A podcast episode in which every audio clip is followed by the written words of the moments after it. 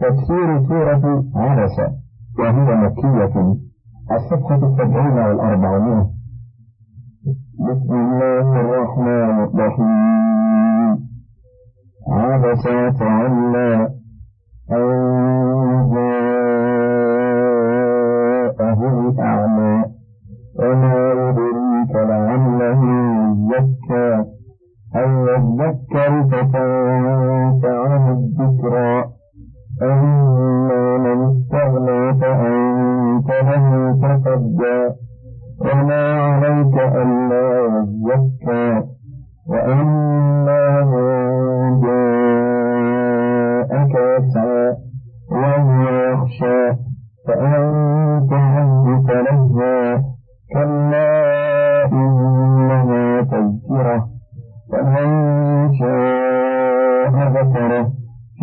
صفة مكرمة مرفوعة مطهرة بأيدي سفرة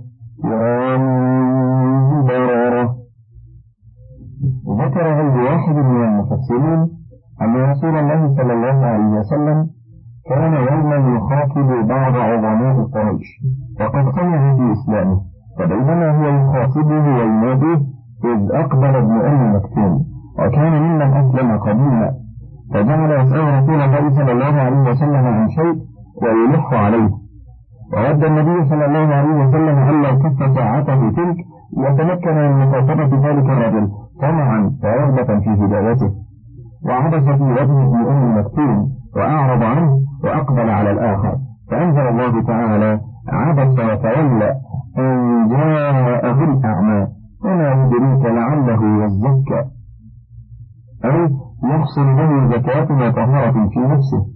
أو يذكر فتنفعه الذكرى. أو يحصل له اتعاظ وازدجار عن المحارم. أما من استغنى فأنت له تصدى أي أما الغني فأنت تتعرض له لعله يهتدي. وما عليك ألا يزكى. أي ما أنت بمطالب به إذا لم يحصل له زكاة. وأما من جاءك يسعى وهو يخشى. أي يقصدك ويؤمك ليهتدي بما تقول له فأنت عنه تلهى أي تتشاغل ومن هنا أمر الله تعالى رسوله صلى الله عليه وسلم أن لا يخص بالإنجاب أحدا بل يساوي فيه بين الشريف والضعيف والفقير والغني والسادة والعبيد والرجال والنساء والصغار والكبار. إن الله تعالى يهدي من يشاء إلى صراط مستقيم. وله الحكمة الباهرة والحجة الدامرة قال الحافظ أبو يعلى في مسنده حدثنا محمد بن مهدي حدثنا عبد الرزاق أخبرنا معمر عن قتادة عن أنس رضي الله عنه في قوله تعالى عبس وتولى جاء ابن أم مكتوم إلى النبي صلى الله عليه وسلم وهو يكلم أبي بن خلف فأعرض عنه. فأنزل الله عز وجل عبس وتولى أن جاءه الأعمى. فكان النبي صلى الله عليه وسلم بعد ذلك يكرمه قال قتادة وأخبرني أنس بن مالك قال رأيته يوم القادسية وعليه درع ومعه روة سوداء لها ابن أم مكتوب وقال أبو يعلى وابن جرير حدثنا سعيد بن يحيى الأمري حدثني أبي قال هذا ما عرضنا على هشام بن عروة عن أبيه عن عائشة قالت انزلت عبس وتولى في ابن أم مكتوم الأعمى. إلى رسول الله صلى الله عليه وسلم فجعل يقول أرشدني. قالت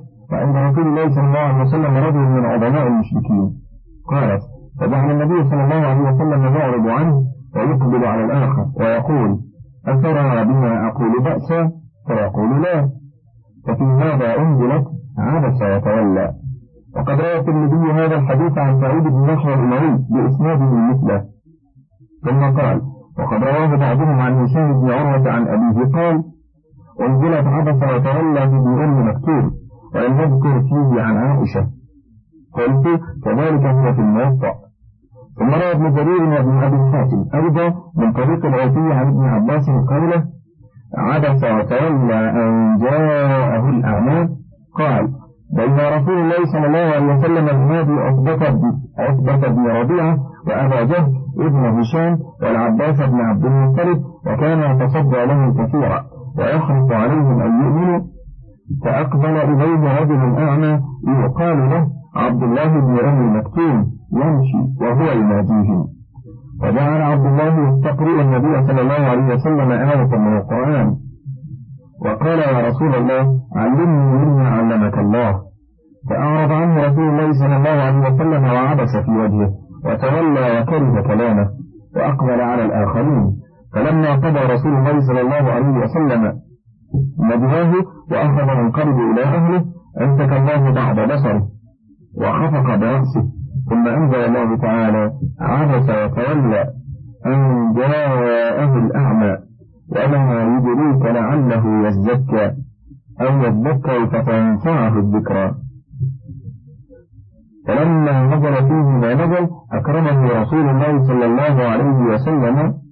وكلمه وقال له رسول الله صلى الله عليه وسلم ما حاجتك؟ هل تريد من شيء؟ فإذا ذهب من عنده قال هل لك حاجة في شيء؟ فذلك لما أنزل الله تعالى أما من استغنى فأنت له تصدى وما عليك ألا يزكى. فيه غرابة ونكارة وقد تكلم في إسناده. وقال ابن أبي حاتم حدثنا أحمد بن منصور الرمادي حدثنا عبد الله بن صالح حدثنا الليث حدثنا يونس عن ابن شهاب قال قال سالم بن عبد الله عن عبد الله بن عمر يقول سمعت رسول الله صلى الله عليه وسلم يقول إن بلالا يؤذن بليل فكلوا واشربوا حتى تسمعوا أذان ابن أم مكتوم. وهو الأعمى الذي أنزل الله تعالى فيه عبس وتولى أن جاءه الأعمى وكان يؤذن مع بلال. قال سالم وكان رجلا ضرير البصر فلم يكن يؤذن حتى يقول له الناس حين ينظرون إلى بذور الفجر أذن وهكذا ذكر عروة بن زبير ومجاهد وأبو مالك وقتادة والضحاك وابن زيد وغير واحد من السلف والخلف أنها نزلت ابن أم مكتوم والمشهور أن اسمه عبد الله ويقال عمرو والله أعلم. وقوله تعالى كلا إنها تذكرة. أي هذه السورة الواسية للمساواة بين الناس في إبلاغ العلم بين شريكهم ووضيعهم وقال قتادة السدي كلا إنها تذكرة معنى القرآن فمن شاء ذكره أي فمن شاء ذكر الله تعالى في جميع أموره ويحتمل عود الضمير إلى الوحي لجدارة الكلام عليه. وقوله تعالى في صحف مكرمة مرفوعة مطهرة. أي هذه السورة أو العظة وكلاهما متلازم بل جميع القرآن في صحف مكرمة أي معظمة موقرة مرفوعة أي عالية القدر مطهرة أي من الدرس والزيادة والنقص وقوله تعالى بأيدي سفرة قال ابن عباس ومجاهد والضحاك وابن زيد هو الملائكة وقال وهب بن منبه هم أصحاب محمد صلى الله عليه وسلم. وقال قتادة هم القراء. وقال ابن جريج عن عباس السفرة بالنبطية القراء. وقال ابن جرير والصحيح أن السفرة الملائكة والسفرة يعني بين الله تعالى وبين خلقه ومنه يقال السفير الذي يسعى بين الناس في الصلح والخير. كما قال الشاهد وما أدع السفارة بين قومي وما أمشي بغش إن مشيت. وقال البخاري سفرة الملائكة سفرت أصلحت بينهم. وجعلت الملائكة إذا نزلت بوحي الله تعالى وتأديته كالسفير الذي يصلح بين القوم. وقوله تعالى كرام بررة. أي خلقهم كريم حسن شريف. وأخلاقهم وأفعالهم بارة طاهرة كاملة. ومنها هنا ينبغي لحامل القرآن أن يكون في أفعاله وأقواله على السداد والرشاد. قال الإمام أحمد حدثنا إسماعيل حدثنا هشام عن قتادة عن زرارة بن أوفى عن سعد بن هشام عن أبيه عن عائشة رضي الله عنه قالت قال رسول الله صلى الله عليه وسلم الذي يقرأ القرآن وهو ماهر به مع السفرة الكرام البررة والذي يقرأه وهو عليه شواق له أجران أخرجه الجماعة من طريق قتادة به. قتل الإنسان ما أكثره من أي شيء خلقه من نطفة خلقه فقدره ثم السبيل يسره ثم أماته فأقبره ثم إذا شاء أنشره كلا لما يقض ما أمره فلينظر الإنسان إلى طعامه أنا صببنا الماء صبا ثم شققنا الأرض شقا فأنبتنا فيها حبا وعنبا وقبا وزيتونا ونخلا وحدائق غربا وفاكهة وأبا متاعا لكم ولأنعامكم يقول تعالى ذاما لمن أنكر البعث والنشور. من بني آدم قتل الإنسان ما أكثره. قال الضحاك عن ابن عباس قتل الإنسان لأن الإنسان. وكذا قال أبو مالك وهذا لجنس الإنسان المكذب لكثرة تكذيبه بلا مستند بل بمجرد الاستبعاد وعدم العلم. قال ابن جريج ما أكثره أي ما أشد كفره.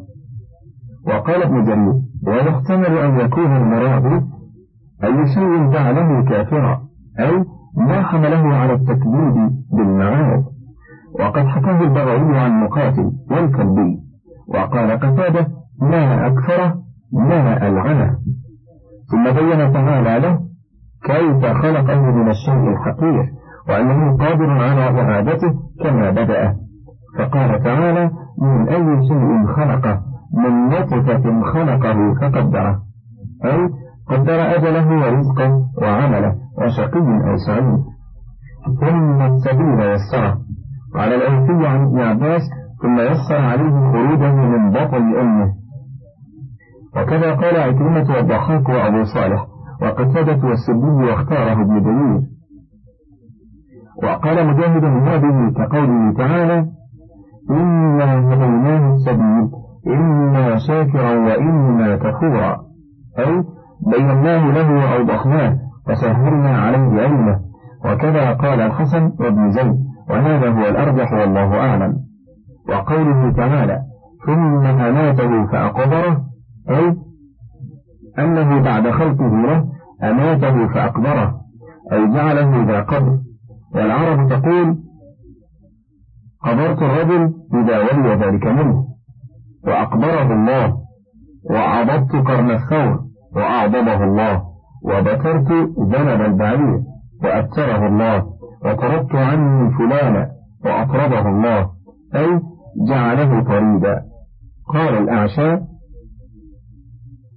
لو أسندت موتا إلى صدرها عاش ولم ينقل إلى قابل وقوله تعالى ثم إذا شاء أنشره أي بعثه بعد موته ومنه يقال البعث والنشور. ومن آياته أن خلقكم من تراب ثم إذا أنتم بشر تنتشرون. وانظر إلى العظام كيف ننشدها ثم نكسوها لحما. وقال ابن أبي حاتم حدثنا أبي حدثنا أصبر بن الفرج أخبرنا ابن أخبرني عمرو بن الحارث أن برادا أبا السمح أخبره عن أبي الهرثم عن أبي سعيد عن النبي صلى الله عليه وسلم قال يأكل التراب كل شيء من الإنسان إلا عجب ذنبه. قيل وما هو يا رسول الله؟ قال مثل حبة خردل منه تنشؤون. وهذا الحديث ثابت في الصحيحين من رواية الأعمش عن أبي صالح عن أبي هريرة بدون هذه الزيادة ولفظه كل ابن آدم يبلى إلا عدد الذنب منه خلق وفيه يركب وقوله تعالى كلا لما يقض ما أمره قال ابن جرير يقول جل ثناؤه كلا ليس الأمر كما يقول هذا الإنسان الكافر من أنه قد أدى حق الله عليه في نفسه وماله لما يقضي ما أمره. يقول لم يؤدي ما فرض عليه عز وجل من الفرائض. ثم روى هو ابن أبي حاتم من طريق ابن أبي نجيح عن مجاهد قوله تعالى كلا لم يقض ما أمره. قال لا يقضي أحد أبدا كل ما افترض عليه.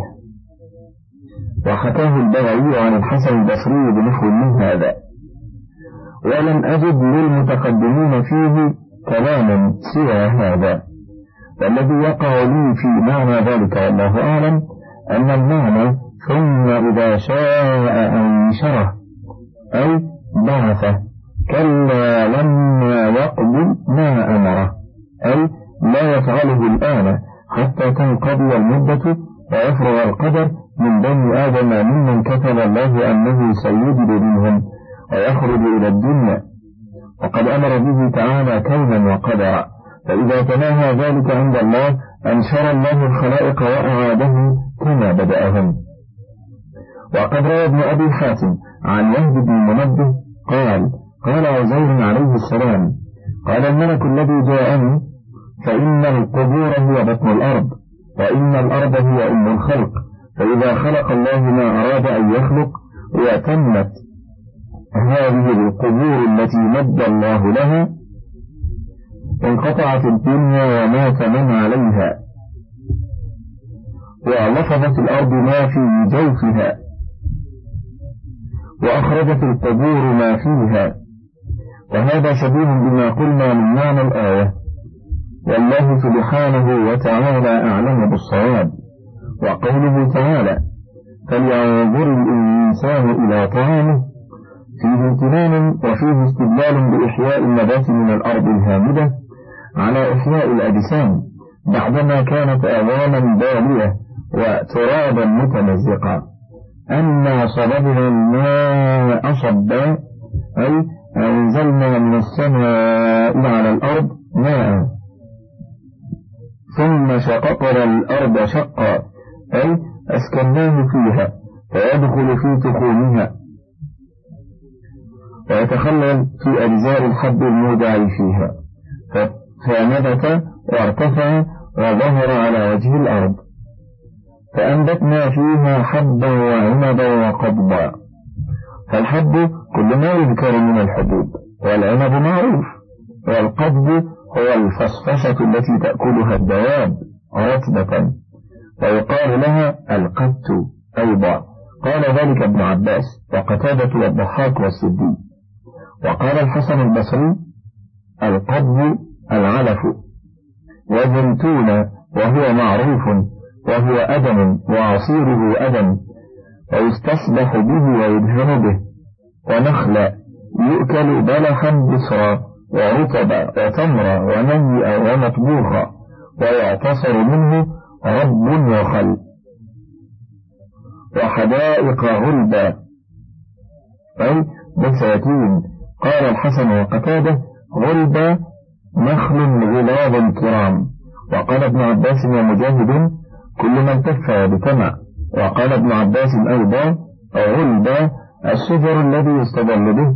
وقال علي بن أبي طلحة عن ابن عباس وحدائق غلبا أي طوال وقال عكرمة غلبا أي غلاظ الأوساط. وفي رواية غلاظ الرقاب. ألم تر إلى الرجل إذا كان غليظ الرقبة؟ قيل والله إنه لأغلب. رواه ابن أبي حاتم. وأنشد ابن جرير للفرزدق عوى فأثار أغلب ضوينيا فويل ابن المراعة مستثارا وقوله تعالى وفاكهة وأبا. أما الفاكهة فكل ما يتفكه به من الثمار قال ابن عباس الفاكهة كل ما أكل رطبا والأب ما أنبت في الأرض مما تأكله الدواب ولا يأكله الناس. وفي رواية عنه هو الحشيش للبهائم وقال مجاهد وسعيد بن جبير وأبو مالك الأب الكلأ وعن مجاهد والحسن وقتادة وابن زيد الأب للبهائم كالفاكهة لبني آدم. وعن عطاء كل شيء نبت على وجه الأرض فهو أب. وقال الضحاك كل شيء أنبتته الأرض سوى الفاكهة فهو الأب. وقال ابن إدريس عن عاصم بن كليب عن أبيه عن ابن عباس الأب نبت الأرض مما تأكله الدواب ولا يأكله الناس. ورواه ابن جرير من ثلاث طرق عن ابن إدريس ثم قال حدثنا أبو كريب وأبو السائب. قال حدثنا ابن إدريس حدثنا عبد الملك عن سعيد بن جبير قال عد ابن عباس وقال الأب ما أنبتت الأرض للأنعام وهذا لفظ حديث أبي كريب. وقال أبو السائب في حديثه ما أنبتت الأرض مما يأكل الناس وتأكل الأنعام. وقال العوفي عن ابن عباس الأب الكلأ والمرعى. وكذا قال مجاهد والحسن وقتادة وابن زيد وغير واحد. وقال أبو عبيد القاسم بن سلام حدثنا محمد بن زيد حدثنا العوام بن حوشب عن إبراهيم التيمي. قال سئل أبو بكر الصديق رضي الله عنه عن قوله تعالى وفاكهة وأبا. فقال أي سماء تظلني وأي أرض تقلني إن قلت في كتاب الله ما لا أعلم. وهذا منقطع بين إبراهيم التيمي والصديق رضي الله عنه. فأما ما رواه ابن جرير حيث قال حدثنا ابن بشار حدثنا ابن أبي عدي حدثنا حميد عن أنس قال قرأ عمر بن الخطاب رضي الله عنه عبس وتولى فلما أتى على هذه الآية وفاكهة وأبا قال قد عرفنا الفاكهة فما الأب؟ فقال لعمرك يا ابن الخطاب إن هذا لهو التكلف فهو إسناد صحيح. وقد رواه غير واحد عن أنس به وهذا محمول على أنه أراد أن يعرف شكله وجنسه وعينه وإلا فهو وكل من قرأ هذه الآية يعلم أنه من نبات الأرض. بقوله فأنبتنا فيها حبا وعنبا وقضبا وزيتونا ونخلا وحدائق غلبا وفاكهة وأبا. وقوله تعالى متاعا لكم ولأنعامكم أي عيشة لكم ولأنعامكم في هذه الدار إلى يوم القيامة.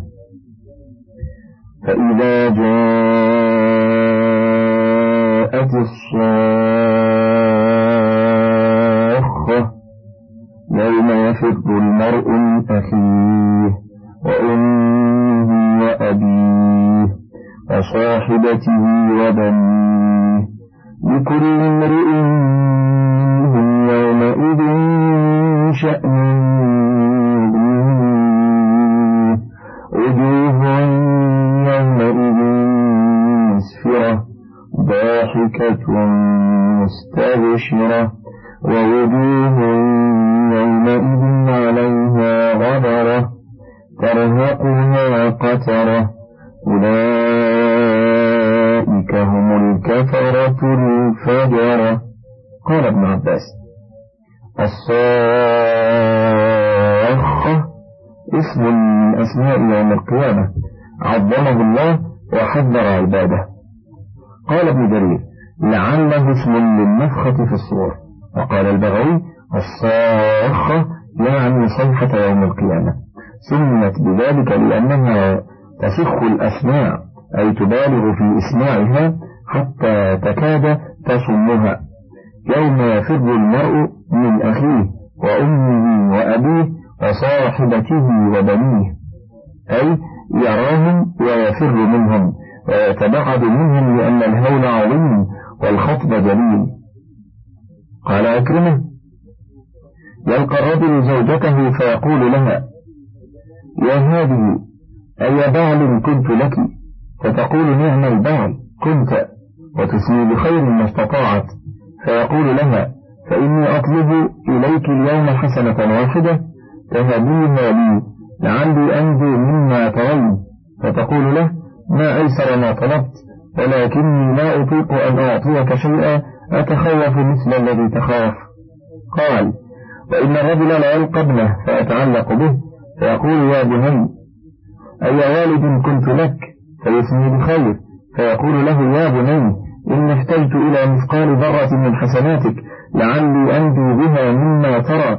فيقول ولده يا أبتي ما أيسر ما طلبت ولكني أتخوف مثل الذي تتخوف فلا أستطيع أن أعطيك شيئا. يقول الله تعالى يوم يفر المرء من أخيه وأمه وأبيه وصاحبته وبنيه. وفي الحديث الصحيح في أمر الشفاعة أنه إذا طلب إلى كل من العلم أن يشفع عند الله في الخلائق يقول نفسي نفسي. لا أسألك اليوم إلا نفسي. حتى إن عيسى بن مريم يقول لا أسأله اليوم إلا نفسي. لا أسأله مريم التي ولدتني.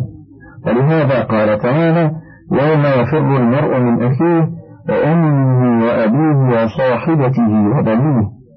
قال قتادة الأحب فالأحب والأقرب فالأقرب من هول ذلك اليوم. وقوله تعالى لكل امرئ منهم يومئذ شأن يغنيه. أي هو في شغل شاغل عن غيره. قال ابن أبي حاتم حدثنا محمد بن عمار بن الحارث حدثنا الوليد بن صالح حدثنا ثابت أبو زيد العباداني عن هلال بن خباب عن سعيد بن جبير عن ابن عباس قال قال رسول الله صلى الله عليه وسلم تحشرون حفاة عراة مشاة غرلا. قال فقالت زوجته يا رسول الله ننظر؟ أو يرى بعضنا عورة بعض. قال لكل امرئ منهم يومئذ شأن يغنيه. أو قال ما أشغله عن النظر. وقد رواه النسائي منفردا به عن أبي داود عن عارم عن ثابت بن يزيد وهو ابن زيد الأحول البصري. أحد الثقات. عن هلال بن خباب عن سعيد بن جبير عن ابن عباس به. وقد رواه الترمذي عن عبد الله بن حميد عن محمد بن الفضل عن ثابت بن زيد عن هلال بن خباب عن عكرمة عن ابن عباس عن النبي صلى الله عليه وسلم قال تحشرون حفاة عراة غرلا فقالت امرأة أو يبصر أو يرى بعضنا عورة بعض؟ قال يا فلانة لكل امرئ منهم يومئذ شأن يغنيه ثم قال الترمذي وهذا حديث حسن صحيح وقد روي من غير وجه عن ابن عباس رضي الله عنهما. وقال النسائي أخبرنا عمرو بن عثمان حدثنا بقية حدثنا الزبيدي وأخبرني الزهري عن عروة عن عائشة أن رسول الله صلى الله عليه وسلم قال يبعث الناس يوم القيامة حفاة عراة غرلا. فقالت عائشة يا رسول الله فكيف بالعورات فقال لكل امرئ منهم يومئذ شأن انفرد به النسائي من هذا الوجه. ثم قال ابن أبي حاتم حدثنا أبي حدثنا أزهر بن حاتم حدثنا الفضل بن موسى عن عائد بن شريح عن أنس بن مالك قال سألت عائشة رسول الله صلى الله عليه وسلم فقالت يا رسول الله بأبي أنت وأمي إني سائلتك عن حديث فتخبرني أنت به. قال إن كان عندي منه علم. قالت يا نبي الله كيف يحشر الرجال؟ قال حفاة عراه ثم انتظرت ساعة فقالت يا رسول الله كيف يحشر النساء؟ قال كذلك حفاة عراه قالت ما سوأتاه من يوم القيامة؟ قال وعن أي ذلك تسألين؟ إنه قد نزل علي آية لا يضرك. كان عليك ثياب أو لا يكون. قالت أية آية هي يا نبي الله؟ قال لكل امرئ منهم يومئذ شأن يغنيه وقال البغوي في تفسيره أخبرنا أحمد بن إبراهيم الشريحي.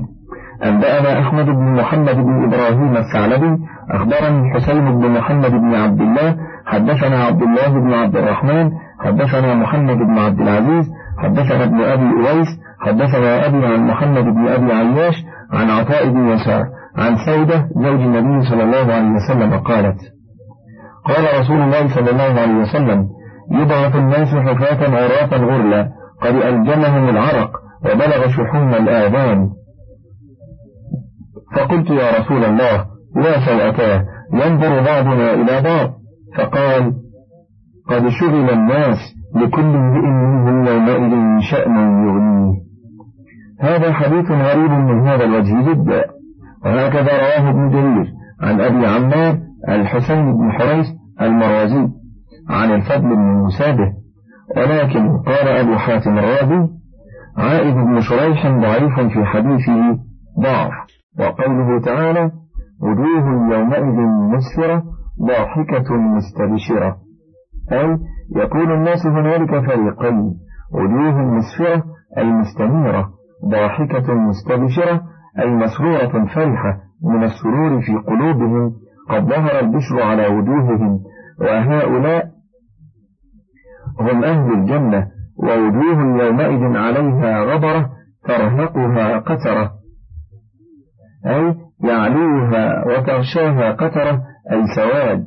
قال ابن أبي حاتم حدثنا أبي حدثنا سهل بن عثمان العسكري حدثنا أبو علي محمد مولى جعفر بن محمد عن جعفر بن محمد عن أبيه عن جده قال قال رسول الله صلى الله عليه وسلم يلزم الكافر العرق ثم تقع الغبرة على وجوههم. قال فهو قوله تعالى ووجوه يومئذ عليها غبرة. وقال ابن عباس ترهقها قترة أي يغشاها سواد الوجوه. وقوله تعالى أولئك هم الكفرة الفجرة. أي الكفرة قلوبهم الفجرة في أعمالهم كما قال تعالى ولا يلدوا إلا فاجرا كفارا. آخر تفسير سورة عبس ولله الحمد والمنة